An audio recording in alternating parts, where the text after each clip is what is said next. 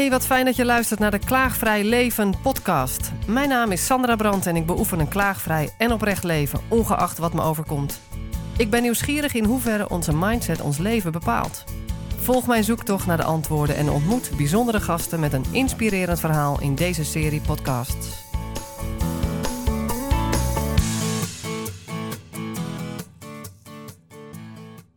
Dank je Sandra voor de uitnodiging om uh, deze podcast samen te maken. Welkom. Ik ben uh, Natour. Ik ben Arabisch-Palestijn in Israël opgegroeid. En uh, ben naar Duitsland voor uh, mijn geneeskundestudie. En tot hartspecialist geworden. En na mijn werk daar acht jaar lang als staflid ben ik naar Nederland gekomen. Eerst naar Groningen en nu in Maastricht sinds zeven jaar. Welkom. Dank je wel. Ja, wij hebben elkaar ontmoet via een podcast eerder. Klopt, ja. En waardevolle mens die ik heb leren kennen tijdens mijn uh, traject, die heeft dus met jou ook een podcast gemaakt. En dat vond ik zinvol. En daarom zit ik hier. Dank je wel. En dat was uh, het contact met Joey, Ja. Joey Touwslager. Wat vond je daar mooi aan? Joey kan zijn lot heel goed delen met andere mensen. En, uh, ik, en hij raakt ook de mensen goed. En daarom heb ik hem ook vaak uh, uitgenodigd om mee te gaan op medische congresjes. En, of ook niet-medische bijeenkomsten waar ik ging praten. Dat was hij als ervaringsdeskundige. En, ja. en ook met zijn vader toen. Een heel goede voorbeeld voor uh, veerkracht mm-hmm. vergroten. Mooi. Hey, en ik, uh, ik heb al even met je voorgesproken net, dus ik heb al wat background van je. Uh, je bent hartchirurg, onder andere.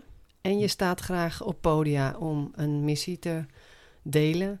Uh, maar ik zou heel graag een beetje achtergrond van je willen. Waar je van aangaat. Uh, wat je meebrengt, waardoor je hier ook zit. Ja, hartchirurg natuurlijk, dat klinkt als wauw. Uh, het is misschien ook een wauw. Maar wat ik bijzonder vond in hartchirurgie is dat je met een orgaan te maken hebt die en jouw vriend is, maar ook je leven echt moeilijk kan maken. Dus inmiddels uh, begroet ik het hart als ik hem zie. Dag hartje, hoe is het met jou? Goed gehumeurd of niet? Uh, ja, dat is eigenlijk mijn story met het hart. Ja, mooi. En je vertelde ook dat door jouw achtergrond je wat meer poëtisch van aard bent. Hoe zit dat? Ja, kijk, die Arabische cultuur is per definitie poëtisch. Um, we beschrijven dingen, dus het is meer ook echt heel goed beeldelijk. Dus uh, je moet iets rijkdom hebben in de fantasie om dingen goed te kunnen beschrijven. Mensen beschrijven niet meer, die nemen de dingen zo waar als die zijn. Dat heeft mij geholpen om, denk ik, het hart te zien als die partner die ik net beschreven heb. Want het hart uh, neemt vele rollen aan. Het is niet alleen de pomp die wij nodig hebben. Mm-hmm. Maar het is een acteur en een, een orkester van, van muziekinstrumenten. En dat heb ik ooit waargenomen op de operatiekamer. En zodoende ben ik. Het hart als dirigent. Het voelt als een dirigent dat hart gaat vragen verder te slaan of te stoppen. Dat is wanneer wij met dat hart gaan vechten. Kom je weer terug aan de slag of niet? Mm-hmm. Ja. En je bent er ook anders naar gaan kijken, zei je. Want toen je net begon, of de eerste jaren neem ik aan, ben je vooral op de technisch dat het perfect moet zijn. Want als er iets niet goed gaat tijdens jouw werk, dan heeft het fatale gevolgen. Maar zodra je daar zo bekwaam in bent geworden, ga je als het ware in een helikopterview en kun je anders kijken. En jij zegt ja. Er wordt steeds meer gesproken over dat je de mensen achter de patiënt moet zien, maar jij, ziet hem, jij vindt eigenlijk dat je het nog breder moet zien. Ja, want de patiënt die je opereert, heeft een hart en hij opereert het hart, maar in feite opereer je niet het orgaan. Maar wij moeten zo doen dat wij een, uh, een orgaan goed opereren, maar nog beter de mens achter het orgaan opereren. En dat is waarover het gaat. Mm-hmm. En dat maakt ons tot de betere doktoren als wij de omgeving van de patiënt en de mens achter de patiënt meenemen in het behandeltraject. Ja, want je hebt het eigenlijk ook in, een, in je boek over een heel traject waar mensen in komen vanaf diagnose. Of eigenlijk daarvoor beschrijf je al in een curve. Um, nou ja, dat kan je beter zelf vertellen. Dat je in eerste instantie een fijn leven hebt in een comfortzone en dan. En daar komen we allemaal een keer op dat punt. Wel of niet met je hart, of op een ander moment in je leven. Vertel. Ja, het boek, wij hebben het boek de naam Als het leven stilstaat gegeven. Want dat verraadt ook op de andere kant dat het leven ooit gaat draaien. Wat is dat eigenlijk als het leven stilstaat? En dat is wat ik probeert, geprobeerd heb om, uh, om te vertellen en om te verspreiden. Namelijk, wij ervaren een heftige life-event uh, die ons uit onze veiligheidsbubbel, uit onze comfortzone heruit hmm. trekt. Verrassend, plotseling. Als een shock. Dan kom je in een soort shocksituatie. Hoewel wij in het leven sommige symptomen ervaren of waarschuwingen die wij eigenlijk negeren, want wij willen nooit uit, uit onze motto: het leven is, leven is mooi. En zo blijven wij in deze comfortzone. En als die verrassingdiagnose komt, uh, dat kan dus alle mogelijke diagnoses zijn, van kanker tot ja, open hartoperatie, dan ben je niet voorbereid daarop. En het is ook moeilijk zich daarover voor te bereiden, want mensen houden zich niet bezig met eventualiteiten die slecht zouden zijn. Mm En daarom kom je in een shocksituatie. En die shocksituatie betekent dat je eigenlijk A, dat niet wilt, en B, niet verwerkt. Omdat je het niet wilt. En dit is onderhouden met een massale angst die je hebt. Ja, eigenlijk is het doodsangst. En daar moeten wij de, ons met z'n allen realiseren dat dat gebeurt. Om te kunnen uh, acceptatiemoment te kunnen bereiken samen, zodat je uiteindelijk dat kan verwerken en inzicht daarin krijgen. Mhm. Om uiteindelijk jouw verkracht te vergroten. Ja, dus ik, ik hoor je ook zeggen dat dat uh, is waar je ook al tegenaan loopt met patiënten. Dat ze uh, daarmee worstelen. En niet alleen zij natuurlijk. Ook hun familie en de omgeving. En die worsteling is misschien zo groot dat je daar mee aan de gang wil. Of dat wil voorkomen of verzachten. Wat, wat is precies je drive daarachter? Ja, kijk, in mijn vakgebied, en ik gebruik een hartpatiënt in mijn boek als voorbeeld voor al deze live events, die eigenlijk min of meer in vergelijkbare uh, manier verlopen. Die mensen die komen in shock. Die weten niet wat op zich, op zich gaat komen. Wij hebben inmiddels een status bereikt dat wij enorm veel innovatie hebben. In mijn vakgebied bijvoorbeeld hebben we moderne technieken wij doen topoperaties en dan nog zijn mensen niet gelukkig Aha. na een succesvolle hartoperatie.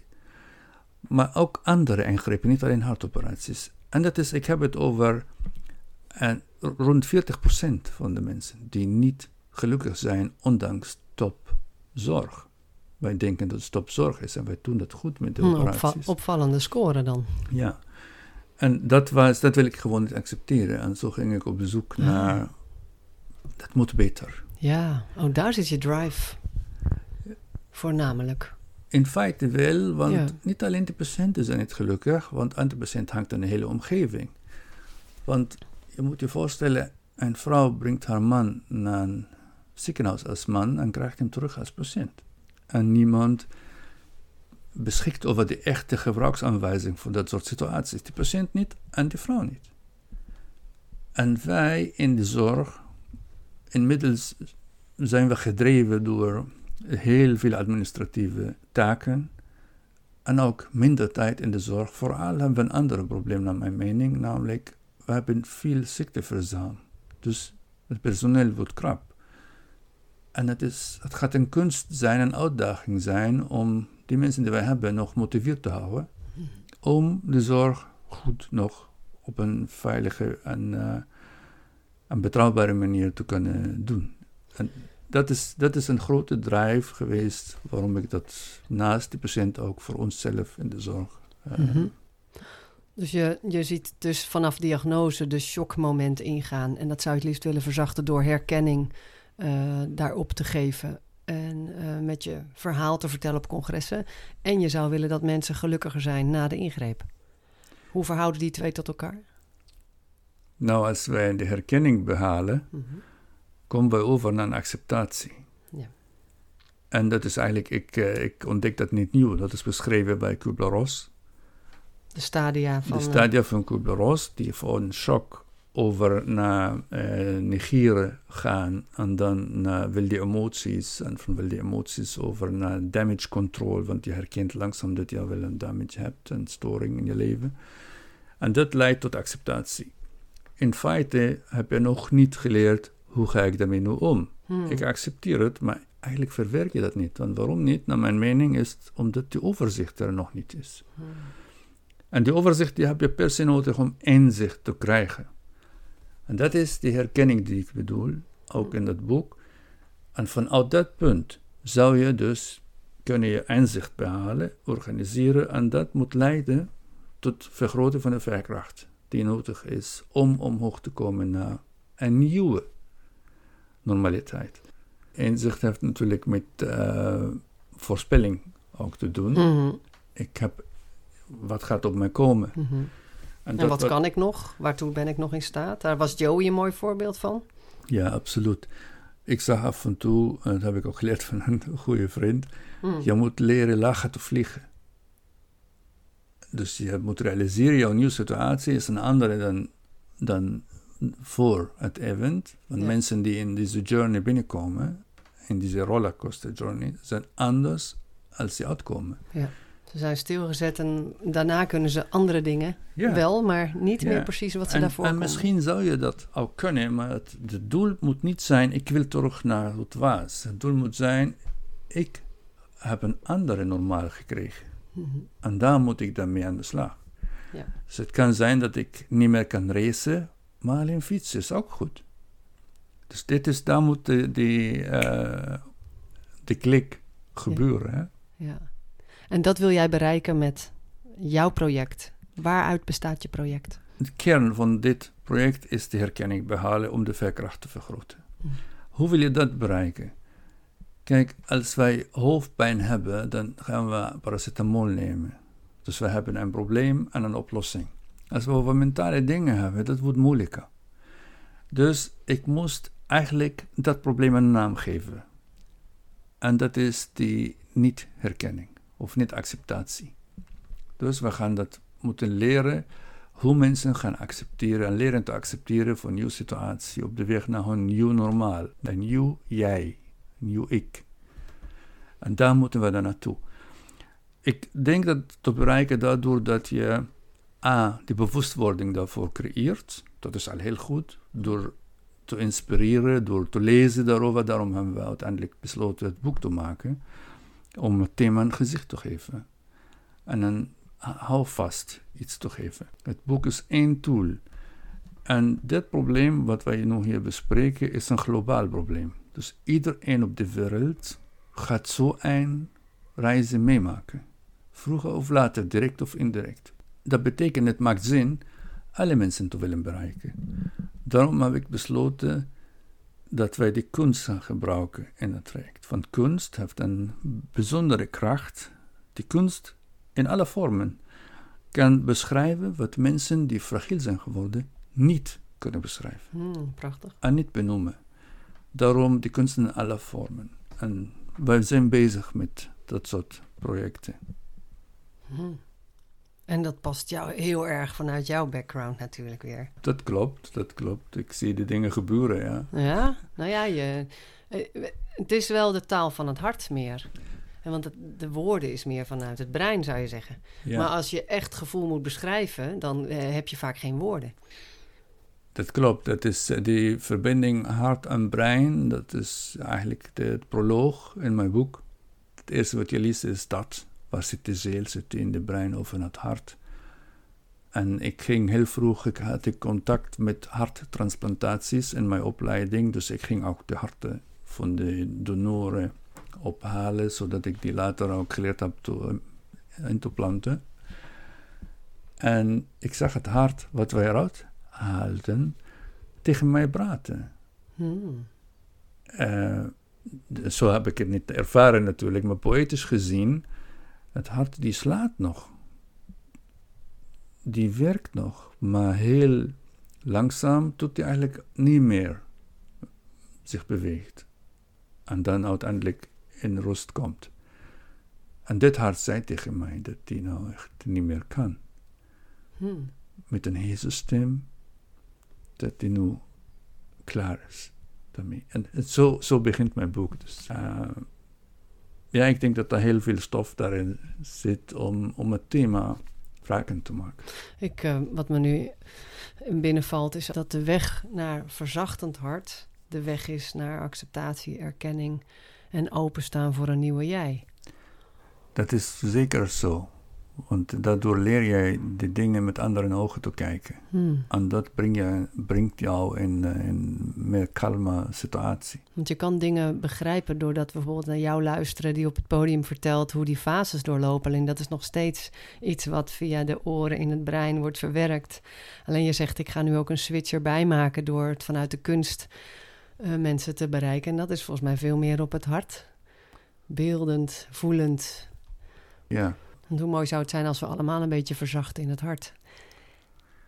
Ja, dat is natuurlijk, daar hangen heel veel factoren vanaf die wij niet kunnen veranderen. Uh, Misschien komen we dan ook minder vaak bij de hartchirurg.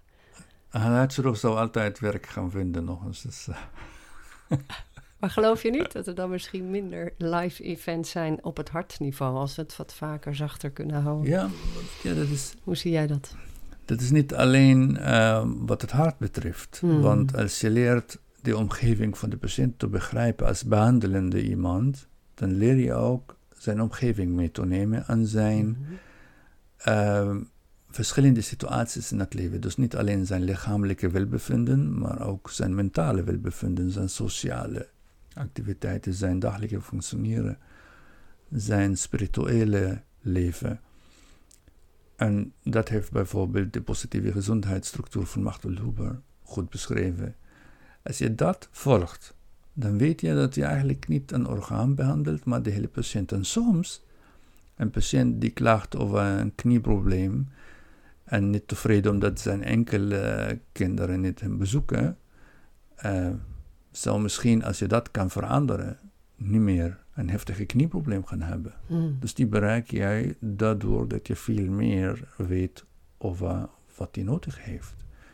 Dus je zou eigenlijk altijd vanuit de patiëntenperceptie moeten gaan oordelen. En om dat te doen moet je in staat zijn om dat te zien en in zijn situatie zich verzetten. Mm-hmm. Ik hoorde al dat jij dat in het voortraject sowieso doet, voordat iemand onder het mes gaat, zullen maar zeggen. Nou, wat mij verbaast, bijvoorbeeld in mijn dagelijkse praktijk, als ik polykliniek doe, de patiënt en zijn familie, oh, dat is dan vrouw, partner, kind, whatever, die komen naar binnen en ik spreek bewust de familie aan. En die hebben meestal dezelfde naam. Dus ik zeg, dag mevrouw uh, Van Dijk, hoe gaat het met u vandaag? En mevrouw Van Dijk reageert meteen, uh, ik ben niet de patiënt.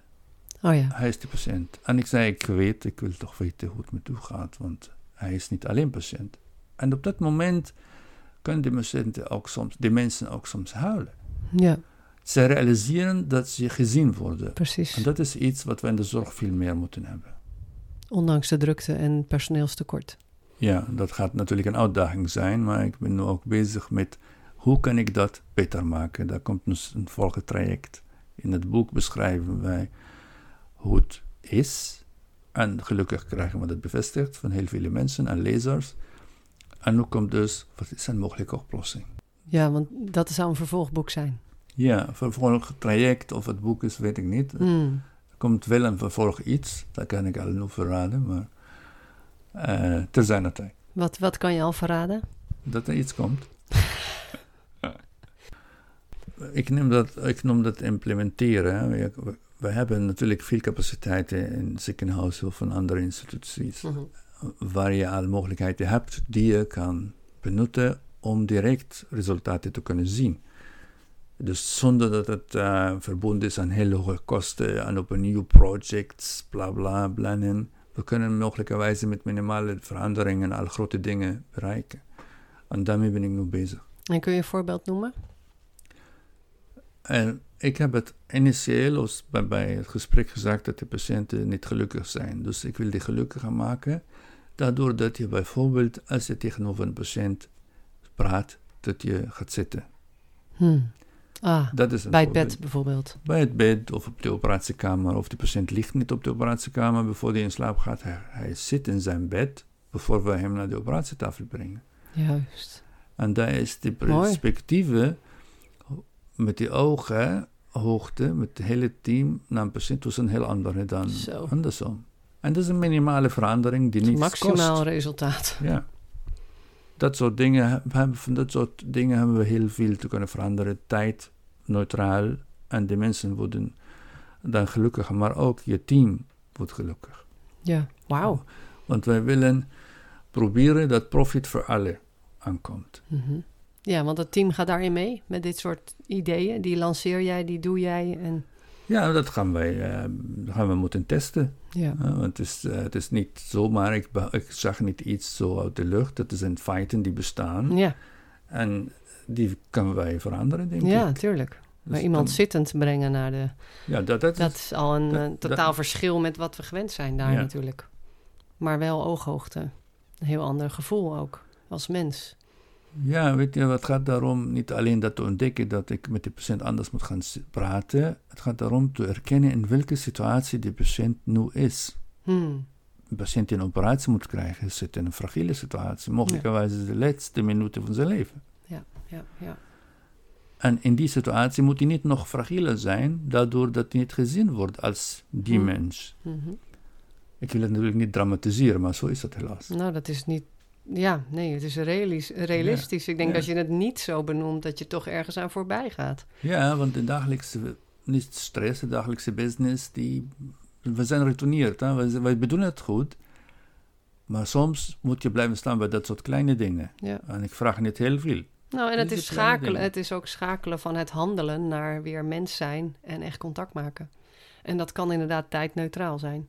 En dat geeft denk ik een veel gelukkiger gevoel uiteindelijk, omdat je je allemaal weer verbonden voelt. Ook met jezelf, want anders ben je vooral ook druk in het hoofd met wat er allemaal moet. Maar even terug naar, oh ja, hoe willen we hier zijn? Is toch een Ja. hele andere beweging. Absoluut, ja. Kijk, Energetisch ook. de voorbeelden op de polykliniek, dat je de familie direct betrekt.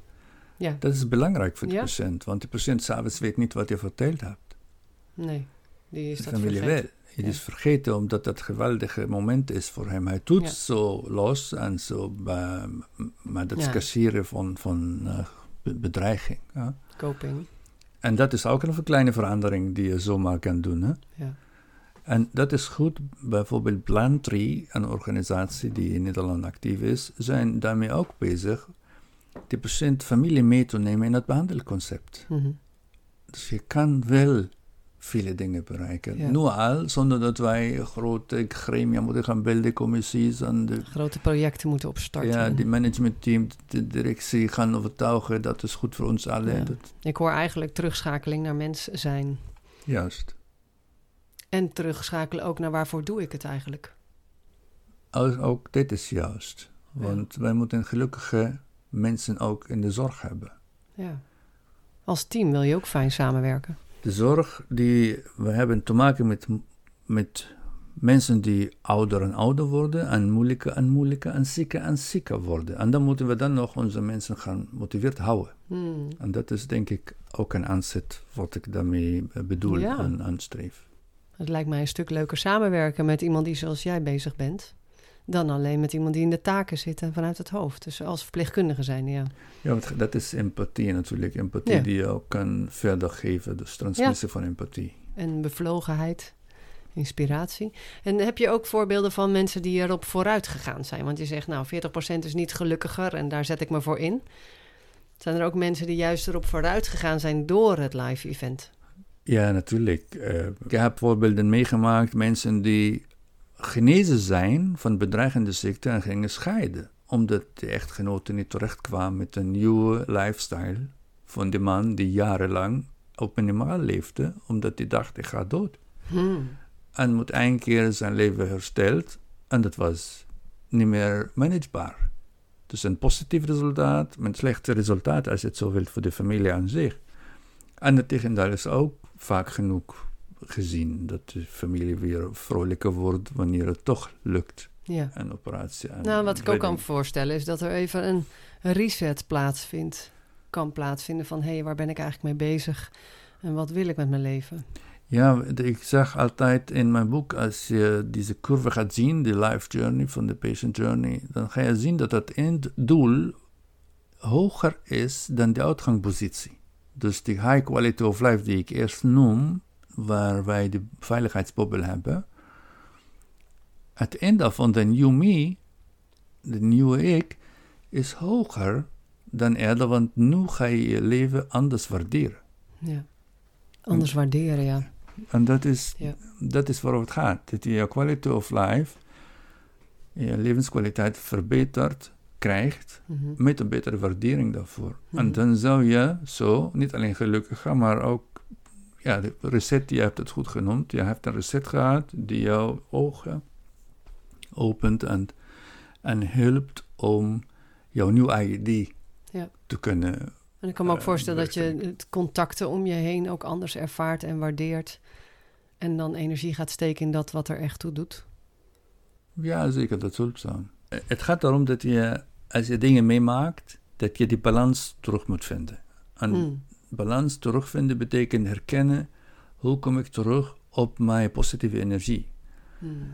En dat is belangrijk dat je eind van de dag zoveel positieve energie over voor de rest van je omgeving, familie, whatever, eh, om volgende ochtend weer te kunnen wakker worden met 100% energie. Mm. En dat is wat je nodig hebt als je in zo'n scenario terechtkomt met bedreigende situaties. Dus je moet herkennen wat is negatieve energie, wat is positieve energie. Uit Mhm. eigen ervaring kan ik zeggen dat mijn project hier mij dermate positiviteit eh aangetoond had, dat, dat je dus terug naar een balans kan vinden. Maar je komt erachter als je dat zo ziet. Ja. En of je hebt iemand die je ogen openmaakt, of jou duwt, kijk, je moet anders gaan kijken daarna. Of je maakt dat gewoon passief mee en dan is dat niet heel goed. en Nee, dat is meer slachtoffer. Dan kan je niet zelf aan het stuur. Juist, je moet je niet gaan vragen waarom ik. Dat is de vraag naar waarom ik, brengt jou niet verder. Dus het glas is ook half vol, hè? Het is niet alleen half leeg. Mhm. En eh, Of, je, of je zoekt de kraan. Ja. Ja, maar dat houdt in dat je moet leren te lopen. En de mens neigt meer de weg van de minste weerstand te gaan. Mhm. En dat is een probleem in dat soort trajecten. ja. Want als je de weg van de minste weerstand gaat, ga je naar schuldigen vinden. Terwijl eigenlijk als je focust op jezelf, dat je zegt, ik heb toch genoeg energie om toch kwaliteit van leven te bereiken. Ja. Ja. Ja, ja, ja. Mooi. En hoe ziet je komende periode eruit qua nou, congressen, wensen? Wat wil je nog meer doen? wat ik eigenlijk uiteindelijk wil bereiken voor, voor we in dat traject terechtkomen, al preventief op de hoogte zijn, dingen kunnen met ons gebeuren in het leven. Mhm.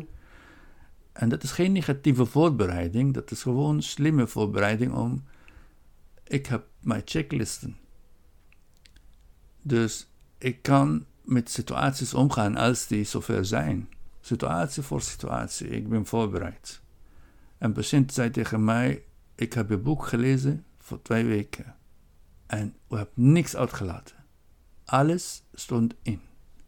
En zo kon ik voorbereid van fase naar fase komen. Mhm. Dat geeft hem natuurlijk overzicht. En dat is wat wij toch uiteindelijk, uiteindelijk moeten bereiken om de inzicht te behalen. Ja, en dus niet als een kip zonder kop doorgaan met het leven, maar even stilstaan. Ja, het gaat om eigen regie ook, hè? want je bent gewoon mede-eigenaar van het Mhm. probleem. En dan kan je wat betekenen. En de patiënten tegenwoordig willen mede-eigenaarschap hebben. Hebben ze sowieso, maar ze moeten ook iets daarmee kunnen doen.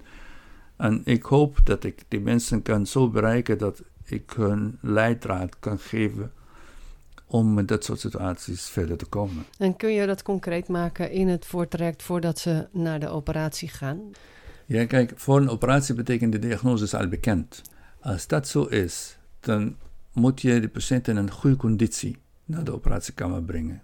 Op alle levels. Dus de patiënt moet fysiek voorbereid zijn, de patiënt moet mentaal begeleid zijn, en sociaal begeleid zijn, en spiritueel, wat mij betreft, begeleid zijn, zodat hij goed in het traject binnenkomt. Tegenwoordig komt de patiënt met 4-0 achter, Hmm. uitgeput. Mensen die zo'n diagnose hebben, kunnen niet slapen. Ah, ja. kom je al met een slaaptekort. Dat moeten wij ons realiseren, dat een, bijvoorbeeld een hartpatiënt of een kankerpatiënt iedere dag, iedere avond worstelt met de gedachten, wat dan, hoe verder en wat alles, en met de kinderen, met de hypotheek, met al die zorgen die draaien en draaien en draaien. En dan ben je echt op als je naar het traject komt, terwijl exact het tegendeel moet gebeuren. Je moet topfit zijn. Ja, zover mogelijk Om zo goed mogelijk de operatie te doorstaan. Ja, ook. het traject gaat om het daarna. Want de Mhm. operatie, daar zijn Mhm. wij niet bezorgd. Dat kunnen we wel. Het gaat om de tijd daarna. En die is belangrijk. De revalidatietraject, terugvinden in het leven, terugvinden aan jouw nieuwe ik. Ja. Ja. Maar hoe bereik je dat dan? Met voorbereiding, met mentale begeleiding. Dus precies- bijvoorbeeld in Nederland hebben mensen recht op lifestyle coach voor de operatie. Een paar uren werden betaald van viele verzekeraars. Dat speelt een rol. Voeding. Hetzelfde is die conditie, de fysieke conditie, maar ook bij een psycholoog of bij een ehm, psychiater, ik weet niet, noem maar op, coach. Eh, ik zou het graag zien dat wij dat ook vanuit ons kunnen begeleiden. Niet, niet hartchirurgen, maar ik bedoel ziekenhuis eh, in eigen regie nemen. Ja, dat het eigenlijk een normaal onderdeel is. Ja, want het ziekenhuis heeft voordeel, hij beschikt over de patiëntenlijsten. Dus wij weten wie patiënt is geworden. En wij weten hoeveel tijd hij heeft om eh, zich voor te bereiden, in feite. En dat kunnen wij in, in, in, eh, in een paar handen leggen. Manage dat alsjeblieft, dat de patiënt nu acht weken heeft of zes weken, dat hij in die zes weken op alle niveaus voorbereid wordt. Ja.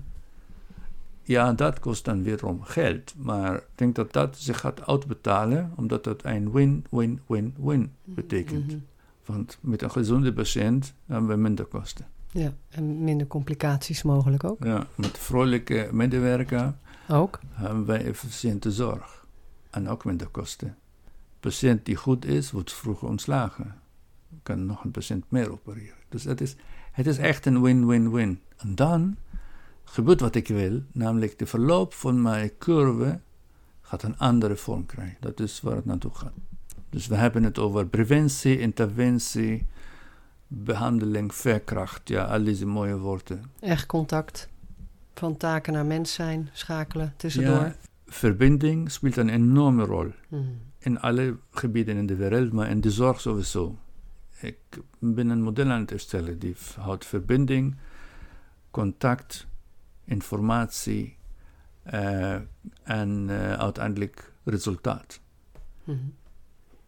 Dat woord vertrouwen heerst overal. Maar om vertrouwen te hebben, moet je dus door deze schakels gaan. Zeker. Door de ja. verbinding, door de connectie, door, door de informatie. Hartcontact. Ja, hartcontact bijvoorbeeld. Ook een goeie. Ik, ik zou me wensen dat het podium groter wordt, Ja, want uh, ik, wil, ik ben blij als deze inspiratie verder kan uh, ja. verspreid worden. Nou, dat is ook noodzakelijk, denk ik. En wat je ook al vertelt, dat het zo tijdneutraal al kan. Als je het hebt over op ooghoogte al zo praktisch. Waardoor iedereen ook meer aanwezig komt, ook qua collega's. Ja, absoluut. Ik, ik wens me dat het zo ooit gaat komen. Mm. Ik, ik, geef mijn best. Ik ga naar congresjes en vertel over het thema. Ik word gelukkig vaak uitgenodigd, maar nog niet vaak genoeg. Het kan nog meer. En ik denk dat het ziekenhuis dat ook kan steunen ja. om die tijd ook te faciliteren. Welke, uh, mensen, welke mensen zou jij graag um, in een podcast willen? Uh, eerder heb ik gezegd dat wij verschillende partijen zijn die betrokken zijn in, het, in, het, uh, in die reizen, in deze rollercoaster journey. Dus eigenlijk die alle. Welke namelijk? De patiënt, zijn omgeving, zijn familie, die uh, mensen in de zorg. En dat gaat van verpleegkundigen tot, tot raad van bestuur. Die mensen spelen alle een rol. Ja. En, en welke thema's wil je, zou je met hun besproken willen hebben? Uh, iedereen voor zijn thema. Ja. Dus de directeur management en impact op de zorg. En de verpleegkundige, waarom ze verpleegkundige is geworden. En wat dat betekent als ze inmiddels niet echt goed kan verplegen, omdat die andere trachten doet. Dat soort dingen zou ja. ik uh, ja. boven water willen halen. Ja. Mooi. En wat je drive is en daar weer naar terug waarom je doet wat je doet. Mens zijn en de connectie. Maar ieder op zijn eigen vlak. Dus zowel binnen het bestuur. Die heeft ook een drive waarom die het doet. Zeker. Dat is als het goed is ook ergens verbonden met mensen. Zeker, natuurlijk. uh, wij, we hebben dat ook nodig, de directielevel. En op die manier hoe zij dat doen. Ik zou me toch af en toe wensen dat de empathie ook, ook de transmissie van empathie op dat level ook aanwezig is. Ja, uh, ja goed. Ik hoop dat. En ik denk dat we dat ook kunnen behalen. We kunnen wel weer aanraken met een. Uh, ja, kunnen het wakker maken weer. Dat mag, zeker. zeker. Die zullen het ook goed vinden als wij die aan boord nemen. Want kijk, we hebben die wijsheid niet met de gouden lepel gevreten, dat is het Duits spreekwoord. Maar het is een gewoon dag, dagelijkse situatie die wij hier bespreken aan behoeften van alle mensen. Ja, precies. Niet alleen van de patiënten. Nee. Dus het is, dat thema is zeker welkom. Ja. En wij bekritiseren niet, wij zien de dingen positief. Het is, we willen de ogen openen. ja, Ik denk dat dat welkom, welkom gaat zijn. mooi. Ogen openen, harten verzachten. Ja, vanuit je hart spreken. Wat zei Joy? Vanuit je hart opereren. Ja. Ja, ja, ja. Ja, maak van je hart geen moordkuil, ja. Ook zo heen. ja, klasse. Is er nog iets wat er van het hart moet bij jou? Eh, ik wil graag dat dat thema inderdaad aan boord komt. Ja. En dat kan ik enkel alleen bereiken met, met meer verspreiding, meer capaciteiten die we in het land hebben, Ja, mm, krachten, krachten bundelen. Er zijn vele mensen actief en ik denk dat wij eh, toch uiteindelijk op korte termijn een verandering kunnen laten zien. hmm, mooi. En dat doe jij al in de praktijk ook. Hoe kijk je terug op dit gesprek? Deze ontmoeting? Prachtig moet ik zeggen, want ik heb een paar al gemaakt, een paar gesprekken gevoerd, verschillende. Eh, dat is goed gestructureerd. Ik denk dat wij een boodschap hebben neer- neergezet hier. Ja, dankjewel voor je komst. Geen dank. Bye bye.